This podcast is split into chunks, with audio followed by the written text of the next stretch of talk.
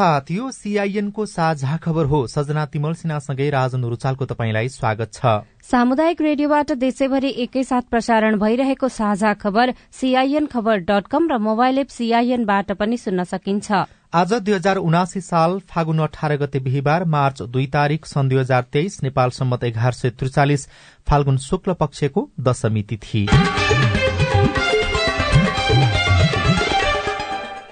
साझा खबरमा प्रमुख खबरका शीर्षकहरू। संघमा बदलिएको राजनीतिक समीकरणले प्रदेश सरकार फेरबदलको चिन्ता। स्थापनाको छ वर्षपछि प्रदेश एकको नामाकरण एकीकृत समाजवादी सरकारमा जान सकारात्मक। दुग्ध विकास संस्थानले किसानलाई पचास करोड़ तिर्न बाँकी। मुस्ताङको निषेधित क्षेत्रमा बौद्ध कलेज खोल्न भारत अग्रसर नेपाली अर्थतन्त्रको जोखिम कायमै। आठ महिनामै राष्ट्रिय प्रसारण लाइनमा तीन सय एकाउन्न मेगावाट बिजुली थपियो। सरकारी विधेयकमा सांसदको संशोधन प्रस्ताव सहकारी विधेयकमा सांसदको संशोधन प्रस्ताव सरकारी कार्यालयमा स्तनपान कक्षले आमा कर्मचारीलाई सहज नाइजेरियाको राष्ट्रपतिमा सत्तारूढ़ दलका टिनुबु निर्वाचित ग्रीसको रेल दुर्घटना गम्भीर मानवीय त्रुटि उद्धारको काम चल्दै इरानमा बालिका र किशोरी अध्ययनरत विद्यालय लक्षित विषाक्त ग्यास आक्रमण बढ्दो। र आईसीसी विश्वकप क्रिकेट लीग टू अन्तर्गतको दोस्रो एक दिवसीय खेलमा नेपालले आज युएईसँग खेल्ने।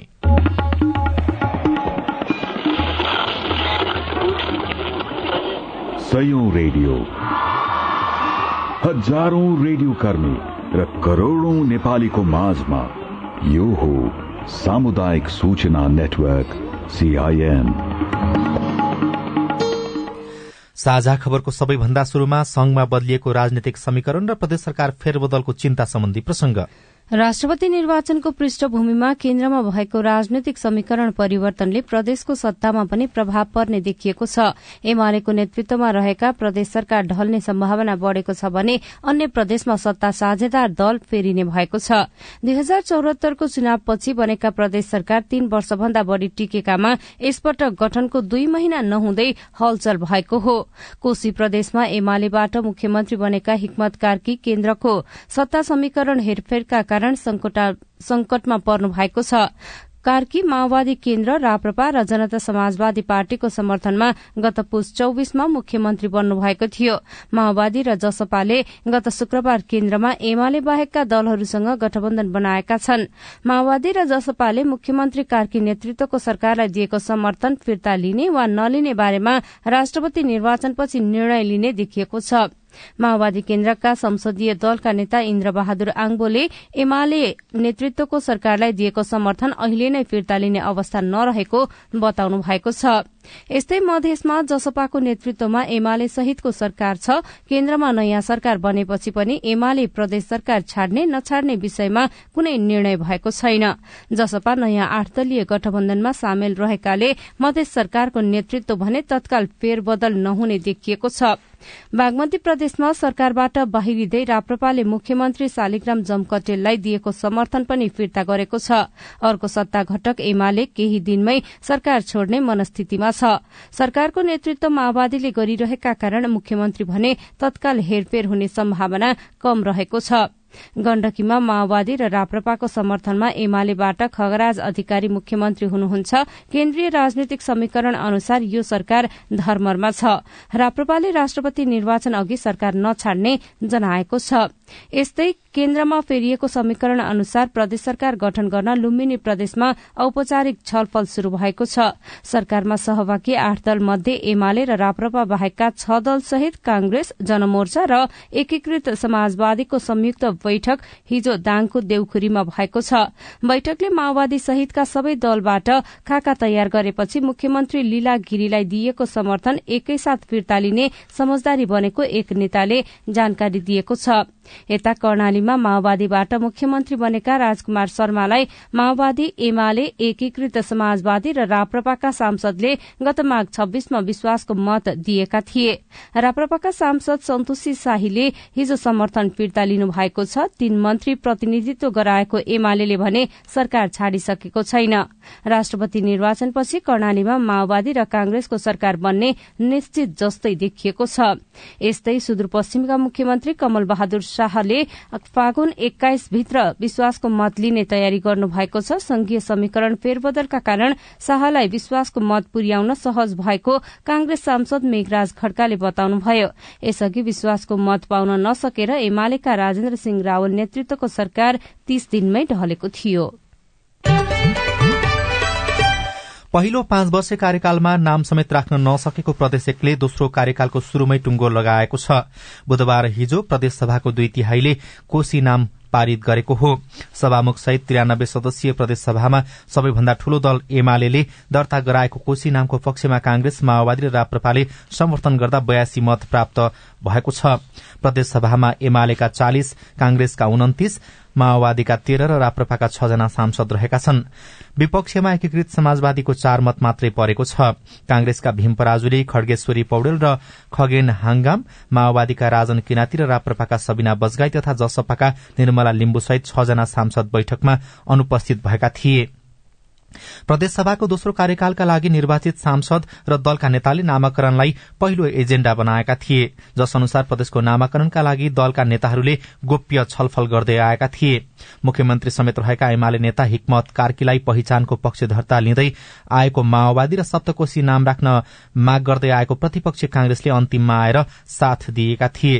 तर पहिचानको पक्षधर्ता लिएका एकीकृत समाजवादी र जनता समाजवादी पार्टीले प्रदेशको नाम किरात लिम्बुवान सगरमाथा हुनुपर्ने प्रस्ताव दर्ता गराएका थिए। सत्तारूढ़ एमाले शुरूमा कांग्रेसका एक सांसद सहितलाई समर्थक बनाएर प्रदेशको नाम कोशी हुनुपर्ने प्रस्ताव दर्ता गराएको थियो।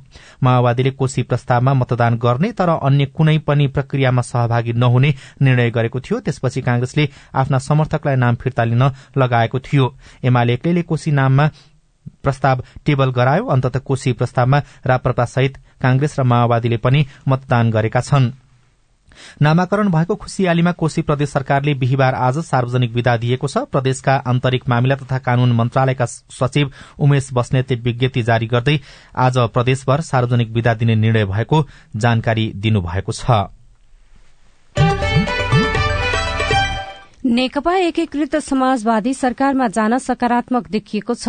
पार्टी केन्द्रीय कार्यालयमा हिजो बसेको सचिवालय बैठकमा राष्ट्रपतिमा नेपाली कांग्रेसका वरिष्ठ नेता रामचन्द्र पौडेललाई मतदान गर्ने निर्णय गर्दै सरकारमा जाने विषयमा छलफल भएको पार्टीका प्रवक्ता जगन्नाथ खतिवड़ाले सीआईएनलाई जानकारी दिनुभयो। सरकारमा जान पार्टी सकारात्मक भए पनि कति मन्त्रालय दावी गर्ने भन्ने टुंगो लागि नसकेको उहाँले बताउनुभयो। आठ दलका साझा उम्मेद्वार राष्ट्रपति पदका साझा उम्मेद्वार रामचन्द्र पौडेलज्यूलाई हाम्रो पार्टीले मतदान गर्नेछ भन्ने निर्णय हामीले गर्यौं। सरकारमा जाने प्रक्रिया शुरू भइसकेपछि हामी आफ्नो छलफल अगाडि बढाउने छौं। त्यसमा हामी सकारात्मक छौं। नेकपा एमाले फागुन पच्चीसमा हुने राष्ट्रपति निर्वाचनको परिणाम आफ्नो पक्षमा आउनेमा आशावादी देखिएको छ। गत पुष दश गते एमाले सहितका दलसँग गठबन्धन गरी सरकारको नेतृत्व गरेको माओवादी केन्द्र अहिले फेरि नेपाली कांग्रेस सहितका दलको गठबन्धनमा छ। कांग्रेस माओवादी केन्द्र जसपा एकीकृत समाजवादी लोसपा नागरिक उन्मुक्ति पार्टी र जनमोर्चा सहितको नयाँ गठबन्धन बनेपछि राजनैतिक समीकरण फेरिएको छ। यसको असर राष्ट्रपति निर्वाचनमा पर्ने देखिएको छ। आठ दलीय गठबन्धनलाई चिर्दै राष्ट्रपति निर्वाचनमा परिणाम आफ्नो पक्षमा आउने दावी एमालेबाट उम्मेद्वार बन्नुभएका सुभाष चन्द्र नेम्बाङको छ। माओवादी केन्द्रका अध्यक्ष एवं प्रधानमन्त्री पुष्पमल दाहाल प्रचण्ड कांग्रेस सभापति शेरबहादुर देवा सहित विभिन्न दलका नेतासँग आफूले मत मागिरहेको भन्दै उहाँले निर्वाचन परिणाम आफ्नो पक्षमा आउने दावी गर्नुभएको हो। प्रधानमन्त्री प्रचण्डले आफूलाई शुभकामना दिएको नेमुवाको दावी छ। राष्ट्रपति निर्वाचनमा आठ दलीय गठबन्धनबाट कांग्रेसका वरिष्ठ नेता रामचन्द्र पौडेल र एमालेबाट नेमुवाङ प्रतिस्पर्धामा हुनुहुन्छ। एमाले संघीय संसदमा प्रतिनिधित्व गरेका कांग्रेस बाहेकका दललाई पत्र पठाएर राष्ट्रपति निर्वाचनमा नेमुवाङको पक्षमा भोट मागिरहेको छ।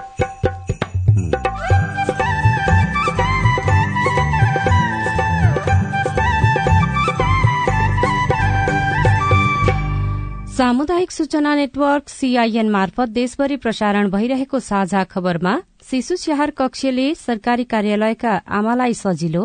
एटलिस्ट हामीले हाम्रो जब सँगसँगै आफ्नो बच्चा पनि हुर्काउनु पाएको छ क्या प्लस पोइन्ट छ क्या हामीलाई चाहिँ। राम्रो छ नानीहरूले मजाले फकाइरहनु भएको छ उहाँहरूले।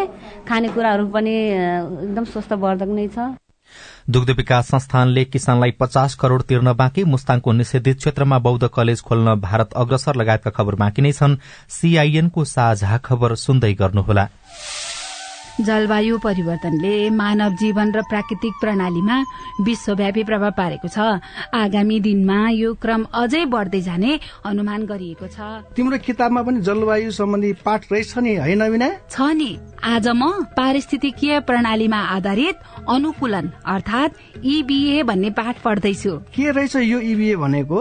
जोखिममा परेका समुदायलाई प्राकृतिक स्रोत र साधनको उपयोग गरी जलवायु परिवर्तनको जोखिम न्यूनीकरण र सामना गरी जिउने र विकसित हुन सहयोग पुर्याउने कामलाई इबिए भनिन्छ। जलवायु परिवर्तनको प्रतिकूल प्रभावको सामना गर्न समुदायहरूलाई सहयोग पुर्याउने यो एउटा नयाँ अवधारणा हो। ए अनि खेती किसानी गर्ने हामीलाई पनि यसले फाइदा गर्छ? गर्छ नि। सुक्खा ठाउँहरूमा कम चिस्यानमा हुर्कन सक्ने बाली नाली लगाउने अनि पहिरो जान सक्ने क्षेत्रमा पहिरो रोकथाम गर्न सक्ने र उपयोगी बिरुवा लगाउने। समुदायलाई फाइदा हुने गरी वन चरण पानीको मुहान जस्ता स्रोतको दिगो व्यवस्थापन गर्ने कामहरू इबी अन्तर्गत पर्छन् क्या। उसो भए त यो गजबको कुरा रहेछ त। हो त नि। धेरै गजबको कुरा हो। इबिए को योजना तयारी र कार्यान्वयन गर्दा स्थानीय जनताको सहभागिता आदिवासी जनजाति संरक्षण कर्मी प्राकृतिक स्रोत व्यवस्थापन अभियन्ता र निजी क्षेत्रका सरोकारवालाहरू बीच पनि समन्वय चाहिन्छ। जलवायु परिवर्तनले निम्ताएका चुनौतीको सामना गर्न जमिन जल र प्राकृतिक स्रोत व्यवस्थापनका सर्वोत्तम उपलब्धिहरूको कार्यान्वयन गरौं। पारिस्थितिकीय प्रणालीमा आधारित अनुकूलन आयोजना जलवायु परिवर्तन तथा व्यवस्थापन महाशाखा वन तथा वातावरण मन्त्रालय र सिआइएन खै यतै कतै कतै भन्थे यता हो कि तल हो कि माथि कता हो सर नमस्ते। हजुर नमस्ते नमस्ते। हजुर के सेवा गरौं? सूचनाको हक भन्ने बारेमा रेडियो टिममा खुब सुनिन्थ्यो। हजुर। आज पालिकामा छिरेको बेलामा सोधिहाले हजुरलाई। तपाईँले सही व्यक्तिलाई सही प्रश्न सोध्नुभयो। म चाहिँ यो पालिकाको सूचना अधिकारी हुँ। सूचनाको हक भनेको संविधान कानूनमा उल्लेख भएको नागरिकको अधिकार हो हजुर। अनि यो अधिकार त पत्रकारले मागे पाए भन्ने मात्रै सुनिन्छ त। हामी जस्ता सामान्य मानिसले कसरी प्रयोग गर्ने? सूचना माग्ने पत्रकारले मात्रै होइन। कुनै पनि नेपाली नागरिकले सूचना प्राप्त गर्ने कारण उल्लेख गरी सम्बन्धित सूचना सूचना अधिकारी समक्ष निवेदन दिनुपर्छ। विधि र प्रक्रिया पूरा गरी निवेदन प्राप्त भयो भने सूचना अधिकारीले पन्ध्र दिन भित्रमा उपलब्ध गराउनु पर्ने सूचनाको हक सम्बन्धी ऐनमा भनिएको छ। पन्ध्र दिन पो कुर्नु पर्ने व्यक्तिको जीवनको सुरक्षासँग सम्बन्धित सूचना माग गरिएको हो भने नि हजुर चौबिस घण्टा भित्रै जानकारी दिनुपर्छ। अनि सरकारी वा सार्वजनिक निकायका अधिकारीले सूचना लुकाएमा पच्चिस हजारसम्म जरिवाना हुने व्यवस्था ऐनमा छ। त्यसका लागि चाहिँ राष्ट्रिय सूचना आयोगमा पुनरावेदन गर्नुपर्छ। अनि यो सूचना माग्दा पैसा पनि लाग्छ? लाग्दैन लाग्दैन। निवेदन उजुरी र पुनरावेदन गर्दा पैसा लाग्दैन। सम्बन्धित निकायले दिने सूचना दस पन्ना भन्दा बढीको भएमा चाहिँ प्रति पन्ना पाँच रुपियाँ तिर्नुपर्छ। ल कुरो बुझ्यो। अब भोलि नै म पनि सूचना माग्न आउँछु। हस् हस्। अस्ट्रेलिया सरकार र द एसिया फाउन्डेशनको साझेदारीमा सञ्चालित स्थानीय सरकार सबलीकरण कार्यक्रम र अकोराब नेपाल। सामाजिक रूपान्तरणका लागि यो हो सामुदायिक सूचना नेटवर्क सीआईएन तपाईँ अहिले देशभरिका सामुदायिक रेडियो सीआईएन खबर डट कम र मोबाइल एप सीआईएनबाट एकैसाथ साझा खबर सुन्दै हुनुहुन्छ। अब आज काठमाडौँबाट प्रकाशित पत्र पत्रिकाका खबर। कान्तिपुर दैनिकको पहिलो पृष्ठमा डीडीसीले किसानलाई तिर्न बाँकी पचास करोड़ उपभोक्तासँग नगद किसानलाई उधारो शीर्षकमा खबर छापिएको छ। किसानलाई मर्कै मर्का उपभोक्तालाई हताहाती नगदमा हाताहाती नगदमा उत्पादन बेच्ने दुग्ध विकास संस्थान डीडीसीले किसानलाई पचास करोड़ भुक्तानी गरेको छैन। व्यवस्थापकीय कमजोरीले पर्याप्त दूध संकलन गर्न नसकेको संस्थान चुहावट नियन्त्रणमा पनि असफल छ। संस्थानको संचित नोक्सान सतासी करोड़ पुगेको छ। मूल्य अभिवृद्धि कर र बिक्री वितरण विवरण बीच उनासाठी करोड़ चौवन्न लाखको हिसाब फरक देखिएको छ भने मापदण्ड भन्दा तीन हजार किलो बढ़ी क्षति दावी गरिएको छ। निर्धारित दर भन्दा घटी मूल्यमा मखन बिक्री गरी अडचालिस लाख नोक्सानी भएको छ। पूर्व संचालक समितिका सदस्य शीतल काजी श्रेष्ठ अनावश्यक राखिएका बाह्र सय कर्मचारी हरेकलाई दिनमा एक लिटर दूध दिइन्छ। चीज भण्डारणबाट चीज हराउने समस्या छ। संस्थान सुधार्न यो सब नियन्त्रण हुनुपर्छ भनेर भन्नुहुन्छ। यस्तै अर्को खबर छ। मुस्ताङको निषेधित क्षेत्रमा बौद्ध कलेज खोल्न भारत अग्रसर देखिएको खबर जगदीश्वर पाण्डेले लेख्नु भएको छ। नेपाल सरकारले विदेशीलाई हिँडुल समेत निषेध गरेको क्षेत्रमा भारत सरकारको लगानीमा मोस्ताङ बौद्ध कलेज खोल्न भारत अग्रसर देखिएको छ। तिब्बती खम्बाहरूले चार दशक अघि चीन सरकार विरूद्ध विद्रोह गरेका कारण मोस्ताङको फल्याक क्षेत्र संवेदनशील मानिन्छ। अहिले त्यही क्षेत्र छानेर आयोजना बनाउन भारतीय दूतावासले नेपाल सरकारसँग अनुमति लिएको छ।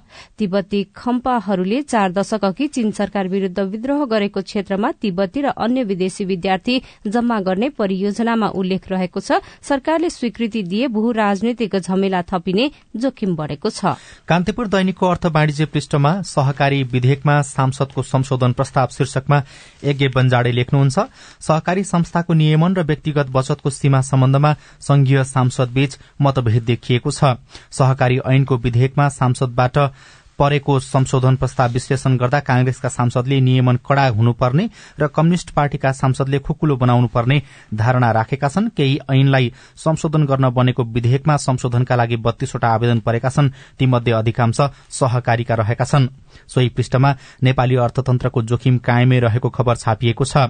नेपाली अर्थतन्त्रमा केही महिना यता सुधार आए पनि जोखिम कायमै रहेको अन्तर्राष्ट्रिय मुद्रा कोष आईएमएफले जनाएको छ। एक्सटेन्डेड क्रेडिट फेसिलिटी ईसीएफ र आर्टिकल फोर सम्बन्धमा अध्ययन गर्न यही फागुन तीनदेखि सोह्र गतेसम्म नेपाल आएको आईएमएफको टोलीले यहाँबाट फर्किएपछि सार्वजनिक गरेको प्रारम्भिक विज्ञप्तिमा यस्तो उल्लेख गरिएको छ।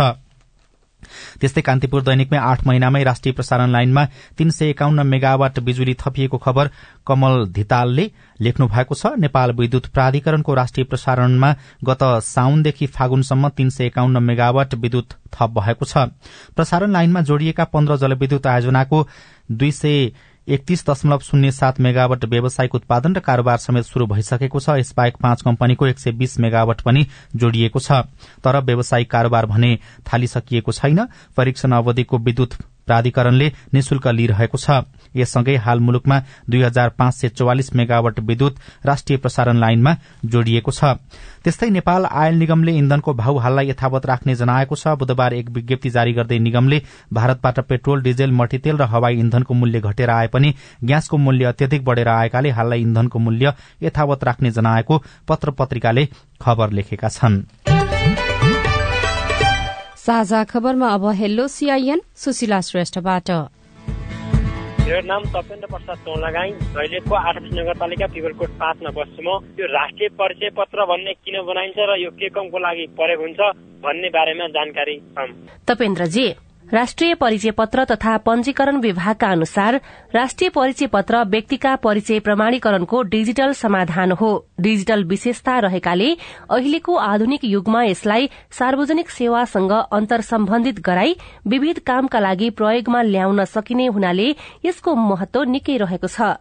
गुणस्तरीय सार्वजनिक सेवा तथा शान्ति सुरक्षा र सुशासन प्रदान गर्ने यसको उद्देश्य हो। नमस्ते म कालीकोट शुभकालिका गाउँपालिका वडा नम्बर छदेखि जितेन्द्र आचार्य बोलेको हो। सरकारले बेमौसमी वर्षाको कारण धान बालीहरू क्षति भएको क्षति दिने भनेर भनिरहेको थियो तर सबै गाउँपालिकाहरूले जिल्लामा रिपोर्ट पुर्याइसकेका छन् र त्यो शुभकालिका गाउँपालिकाले किन पुर्याएको छैन? म जस्तै धेरै किसानहरूले राहतको अपेक्षा गर्ने थिए। कहिलेसम्म पुर्याउने छन् यसको बारेमा जानकारी पाइदिए भए आभारी हुने थिए। धन्यवाद। तपाईँको गुनासो हामीले शुभकालिका गाउँपालिका कालीकोटका अध्यक्ष गोविन्द प्रसाद आचार्यलाई सुनाएका छौं। प्रहरी प्रशासनको मुचुलका अनुसार वितरण गरिसकेका छौं। उहाँको न प्रहरी मुचुल्का छ न कुनै प्रक्रियागत हिसाबले जुन प्रहरी मुचुल्का फिल्डगत हिसाबको अनुगमन र प्रहरी मुचुल्का मार्फत आएका पीडितहरूले हामीले राहत वितरण गर्यौं र हामीले सम्बन्धित राहत वितरणको निम्ति जो जोखिम अति जोखिम संवेदनशील भूगोल भित्रका समुदायप्रतिको निम्ति गृह मन्त्रालयमा हामीले पनि पालिका सरकारको तर्फबाट पहल गरिराखेका छौँ। म प्रेमचन्द बैतडी जिल्लाको पञ्चेश्वर गाउँपालिका दुई महाकालीबाट हो। मेरो राष्ट्रिय परिचय पत्र हरायो। मसँग प्रतिलिपि पनि छैन। अब के गर्ने होला बताइदिए आभारी हुन्थे। तपाईँको जिज्ञासा मेटाउँदै हुनुहुन्छ जिल्ला प्रशासन कार्यालय बैतडीका राष्ट्रिय परिचय पत्र शाखाका अपरेटर जगदीश भट्ट। त्यसको लागि विभागले नै जारी गरेको छ। सर त्यो हेल्प नम्बर छ हाम्रो वाट्सएपमा पठाउने फोटोकपी त्यो नागरिकताको दुईटैतिरको फोटो खिचेर पठाउने अनि त्यहाँबाट नम्बर चाहिँ हामी प्रोभाइड गर्छौँ भन्ने उनले सूचना दिएको छ विभागले आफ्नो साइटमा। केही गर्नुपर्छ अहिले धेरै कुटी भएछ हराएको अनि बिग्रेको अथवा कागज फाटेको त्यो भयो भने सबैले त्यहाँबाट मात्रै पाउने। जिल्लाबाट हेर्ने सुविधा छैन हामीलाई सफ्टवेयरबाट लक गरिदिन्छ। तपाई जुनसुकै बेला हाम्रो टेलिफोन नम्बर शून्य एक बाहन्न साठी छ चार छमा फोन गरेर आफ्नो प्रश्न विचार गुनासो तथा प्रतिक्रिया रेकर्ड गर्न सक्नुहुन्छ। साझा खबरमा अब विदेशको खबर। नाइजेरियाको राष्ट्रपतिमा सत्तारूढ़ दलका उम्मेद्वार बोला टिनुबु निर्वाचित हुनुभएको छ। कुल मतको सैतिस प्रतिशत प्राप्त गर्दै टिनुबु राष्ट्रपतिमा निर्वाचित हुनुभएको अन्तर्राष्ट्रिय संचार माध्यमले जनाएका छन्। ग्रीसका प्रधानमन्त्री कायराकोस मित्सोताकिसले हिजो भएको रेल दुर्घटनामा गम्भीर मानवीय त्रुटि भएको बताउनु भएको छ। घटनास्थलको भ्रमणपछि उहाँले घटना गम्भीर मानवीय त्रुटिका कारण भएको बताउनु भएको हो। घटनापछि स्थानीय स्टेशन मास्टरलाई ज्यान मारेको आरोप लगाइएको छ भने यातायात मन्त्रीले राजीनामा दिएका छन्। अहिले पनि उद्धारको काम भइरहेको बीबीसीले उल्लेख गरेको छ। हिजो दिउँसो ग्रीसमा मध्य शहर लारिसा नजिकै तीन सय पचासजना यात्रु बोकेको यात्रुवाहक रेल र मालवाहक रेलसँग एक आपसमा ठोकिँदा त्रिचालिस जनाको मृत्यु भएको छ। दुईवटै रेल एउटै ट्र्याकमा किन चलिरहेका थिए भन्नेबारे अहिलेसम्म थाहा हुन सकेको छैन। र इरानमा बालिका र किशोरी अध्ययनरत विद्यालय लक्षित विषाक्त ग्यास आक्रमणका घटना भइरहेका छन्। गत नोभेम्बर यता हालसम्म छब्बीसवटा विद्यालय लक्षित विषाक्त ग्यास आक्रमण भएको अन्तर्राष्ट्रिय संचार माध्यमले जनाएका छन्। आक्रमणमा परेर एक हजार भन्दा धेरै विद्यार्थी बिरामी परेका छन्। उनीहरूलाई श्वास प्रश्वासमा समस्या बान्ता आउने रिंगाटा लाग्ने र थकान हुने गरेको पाइएको छ। बालिका अध्ययनरत विद्यालय बन्द गराउने उद्देश्यले आक्रमण गरिएको स्थानीयले आरोप लगाएका छन् तर सरकारले भने पूर्व नियोजित हो कि होइन भनेर अहिलेसम्म भन्न सक्ने अवस्था नरहेको बताएको छ। साझा खबरमा अब खेल खबर। आईसीसी विश्व क्रिकेट लीग टू अन्तर्गत त्रिदेशीय श्रृंखलाको दोस्रो एक दिवसीय खेलमा नेपालले आज घरेलु टोली यूएईसँग प्रतिस्पर्धा गर्दैछ। दुबईमा हुने खेल नेपाली समय अनुसार दिउँसो पाउने बाह्र बजे शुरू हुनेछ। लगातार पाँच खेल जितेको नेपाल आजको खेलमा पनि जित हात पार्दै लय कायम राख्ने सोचमा हुनेछ। पछिल्ला दुई खेलमा हार बेहोरेको यूएई भने दबावमा हुनेछ। त्यस्तै यूएईमै जारी उन्नाइस वर्ष मुनिको विश्वकप क्रिकेट छनौटमा आज नेपालले घरेलु टोलीसँग प्रतिस्पर्धा गर्दैछ।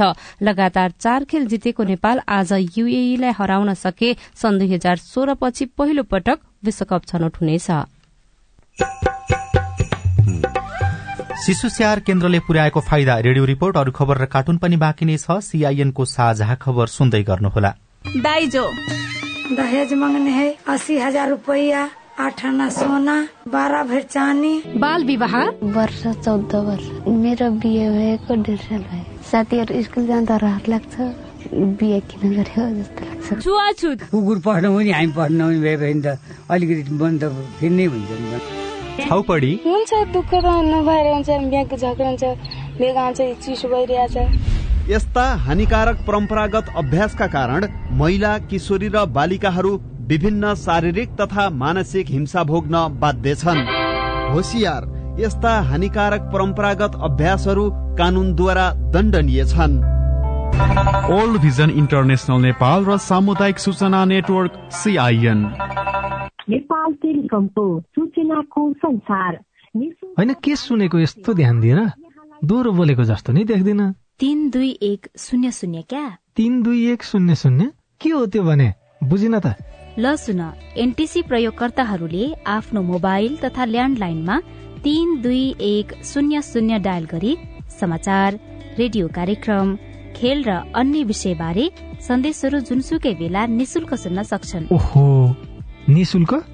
कस्तो सजिलो। समाचार सुन्न छुट्यो भनेर पिर लागेको थियो। अब त म पनि सुनिहाल्छु। कति रे? तिन दुई एक शून्य शून्य। सामाजिक रूपान्तरणका लागि यो हो सामुदायिक सूचना नेटवर्क सीआईएन साझा खबरमा अब शिशु स्याहार केन्द्रले दिएको सहजताको कुरा। कामकाजी महिलाको संख्या बढ़दै जाँदा पूर्ण स्तनपानको दर भने घट्दै गएको छ। कामका लागि टाढा जानुपर्ने बाध्यता हुनु काम गर्ने ठाउँमा शिशु स्याहार केन्द्र नहुनु जस्ता कारणले आमाहरू शिशुलाई घरमै छोडेर काममा जान बाध्य छन्। तर सिंहदरबार आसपास र ललितपुरको शहरी क्षेत्रमा कार्यरत निजामती कर्मचारीले भने आफ्ना सन्तानलाई पूर्ण स्तनपान गराउन पाएका छन्। जति माया गरे नि त्यति माया आउँछ कि? कहिले काहीँ त यस्तो लाग्छ कि हो।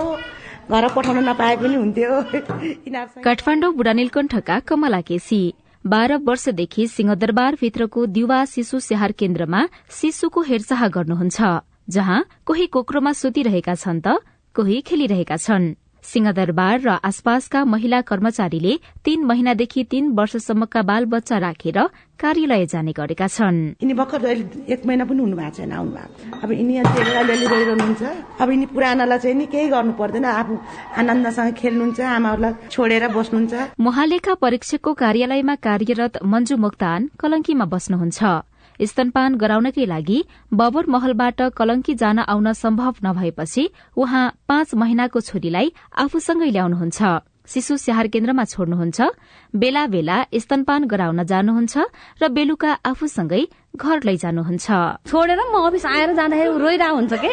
उसलाई रोएर राख्नु भन्दा बरु यहीँ आएर ल्यायो सँगसँगै ल्यायो सँगसँगै लग्यो। त्यही सजिलो भएर ल्याएको यसलाई। राम्रो छ नानीहरूले मजाले फकाइरहनु भएको छ उहाँहरूले। खानेकुराहरू पनि एकदम स्वस्थवर्धक नै छ। प्रशासकीय अदालत सिंहदरबारमा कार्यरत प्रेजिना राई पनि केन्द्रमा राखेको बच्चालाई स्तनपान गराउन आइपुग्नुभयो। केन्द्रकै हेरचाहमा हुर्किएको आफ्नो पहिलो सन्तान विद्यालय जान थालिसकेको र दोस्रो सन्तान पनि केन्द्रमै हुर्किरहेको उहाँ बताउनुहुन्छ। अप्सनै हुँदैन क्या? बाहिर राख्नको लागि हामीलाई त एकदमै राम्रो छ। यहाँभित्र यो शिशु स्याहार खोलेकोले गर्दाखेरि एटलिस्ट हामीले हाम्रो जब सँगसँगै आफ्नो बच्चा पनि हुर्काउनु पाएको छ क्या? प्लस पोइन्ट छ क्या हामीलाई चाहिँ। किन मैले दुइटा बच्चा यहाँ ल्याइसकेँ? महिला बालबालिका तथा ज्येष्ठ नागरिक मन्त्रालयको सहयोगमा निजामती कर्मचारी श्रीमती संघले बाह्र वर्ष अघिबाट यो केन्द्र सञ्चालन गरिरहेको छ। एकपटकमा पैंतिस जनाको क्षमता रहेको केन्द्रमा हालसम्म साढे चार सय बालबालिका हुर्किएका छन्। बालबालिकाको हेरचाहका लागि केन्द्रमा तेह्र जना आमा छन्। केन्द्रले मासिक पन्ध्र सय रूपियाँ शुल्क लिने गरेको छ। उमेर अनुसारको खानेकुरा यही शुल्कबाट व्यवस्थापन गरिन्छ। केन्द्रका सह व्यवस्थापक संगीता घिमिरे। ग्रुप ग्रुपमा राखिसकेपछि घरमै हुर्केको बच्चा र यहाँ के हुँदो रहेछ भने प्यारेन्ट्सले नै कम्पेयर गर्दाखेरि घरमा एक्लै हुर्केको बच्चा योभन्दा अगाडिको बच्चाले यस्तो मौका पाएन। त्यसले गर्दा मान्छे आयो भने बोल्दैन। सिंहदरमा हुर्केको बच्चा चाहिँ जोसँग पनि घिउलमेल हुन्छ। जहाँ जे लग्यो भने पनि खाइहाल्छ। जे कुराको पनि उसको डिसिप्लिन छ भन्ने कुरा चाहिँ प्यारेन्ट्सहरूबाट आउँछ। निजामती सेवामा तेइस हजार पाँच सय भन्दा बढ़ी महिला कार्यरत छन्। उनीहरूमध्ये सिंहदरबार आसपासका कर्मचारीले मात्रै केन्द्रमा बच्चा राख्न पाउँछन्। यसलाई विस्तार गर्ने योजना के छ त?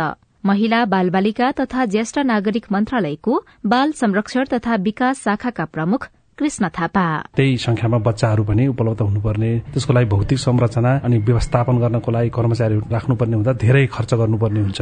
आगामी वर्षमा हामीले परियोजना विस्तार गर्नको लागि सोचाइ छ। त्यसको लागि चाहिँ वृहत गृह कार्य चाहिँ हामी गर्न बाँकी नै छ। यो आर्थिक वर्षको बजेटमा कति गर्न सकिन्छ के गर्न सकिन्छ त्यसको बारे चाहिँ हामी अध्ययन विश्लेषण गरिरहेछौँ। त्यही अनुसार अगाडि बढ्छौँ। सरकारले ललितपुरको पुलचोकमा पनि दिवा शिशु स्याहार केन्द्र स्थापना गरेको छ। सिंहदरबार र ललितपुर आसपासका निजामती कर्मचारीले यो सुविधा पाए पनि देशभरका कर्मचारीले यो सुविधा पाएका छैनन्। निजी क्षेत्रमा कार्यरत महिला कर्मचारीले त बाल बच्चा हुर्काउन पेसा नै छोड्नुपर्ने अवस्था छ। उषा तामाङ सीआईएन रिपोर्टसँगै हामी साझा खबरको अन्त्यमा आइपुगेका छौं। सामुदायिक रेडियो प्रसारक संघद्वारा संचालित सीआईएनको बिहान छ बजेको साझा खबर सक्नु अघि मुख्य मुख्य खबर फेरि एकपटक। संघमा बदलिएको राजनीतिक समीकरणले प्रदेश सरकार फेरबदलको चिन्ता। स्थापनाको छ वर्षपछि प्रदेश एकको नामाकरण। एकीकृत समाजवादी सरकारमा जान सकारात्मक। दुग्ध विकास संस्थानले किसानलाई पचास करोड़ तिर्न बाँके मुस्ताङको निषेधित क्षेत्रमा बौद्ध कलेज खोल्न भारत अग्रसर नेपाली अर्थतन्त्रको जोखिम कायमै। आठ महिनामै राष्ट्रिय प्रसारणमा तीन सय एकाउन्न मेगावाट बिजुली थपियो। सहकारी विधेयकमा सांसदको संशोधन प्रस्ताव। सरकारी कार्यालयमा स्तनपान कक्षले आमा कर्मचारीलाई सहज। नाइजेरियाको राष्ट्रपतिमा सत्तारूढ़ दलका टिनुबु निर्वाचित ग्रीस कोरेल दुर्घटना गम्भीर मानवीय त्रुटि उद्धारको काम चल्दै। र आइसिसी विश्वकप क्रिकेट लीग टू अन्तर्गतको दोस्रो एक दिवसीय खेलमा नेपालले आज यूएईसँग खेल्ने। साझा खबरको अन्त्यमा कार्टुन लिएका छौं। नयाँ पत्रिका दैनिकबाट रवि मिश्रले बनाउनु भएको कर्नर किक शीर्षकको कार्टुन रहेको छ। यहाँ सांसद र संसदलाई व्यङ्ग्य गर्न खोजिएको छ। हाजिर गरेर निस्कने सांसदहरू पनि छन्। कोही त बैठक नै बस्न नपाए पनि हुन्थ्यो भने जस्तो गर्छन्। केहीले चाहिँ प्रतिपक्षको सीटमा को बस्ने भन्ने विवादले संसद बैठक स्थगित पनि हुने गरेको छ। संसदमा बहस भन्दा धेरै रमिता हुन्छ भनेर सामाजिक सञ्जालमा बेला बेलामा कटाक्ष पनि हुन्छ। दुईजना सांसदहरू संसद भवनबाट बाहिरिँदैछन् र यस्तो भन्दैछन्। दिनकै बैठकमा बस्दा बस्दा त टेबल कुर्सीले पनि खिस्याउलान् होला हौ। अरू काम नै नभए जस्तो। आ निस्किम। हवस् त प्राविधिक साथी सुभाष पन्तलाई धन्यवाद। अहिलेलाई राजन रुचाल र सजना तिमल सिन्हा विदा भयौं। तपाईँको आजको दिन शुभ होस्। नमस्कार। यसपछि देशभरिका सामुदायिक रेडियोबाट कार्यक्रम हाम्रो पालिका प्रसारण हुनेछ। सुन्ने प्रयास गर्नुहोला।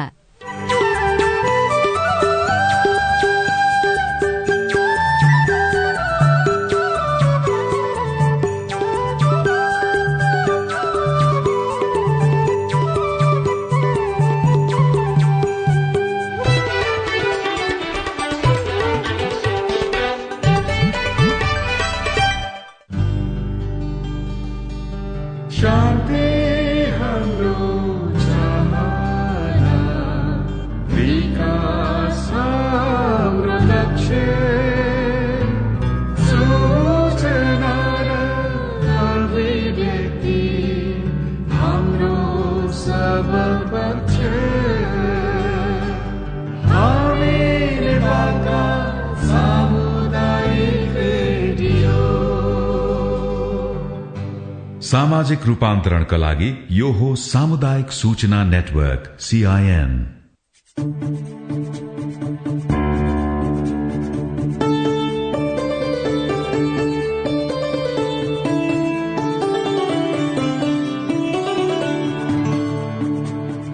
समावेशी स्थानीय सरकार दिगो विकासको हकदार। हाम्रो पालिका, राम्रो पालिका।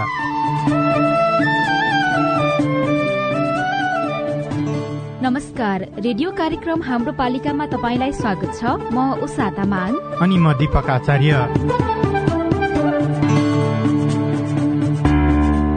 सीआईएन मार्फत सामुदायिक रेडियोबाट देशैभरि सीआईएन खबर डट कम र मोबाइल एप सीआईएनमा पनि चाहेको बेलामा विश्वभरि नै कार्यक्रम हाम्रो पालिका सुन्न सकिन्छ।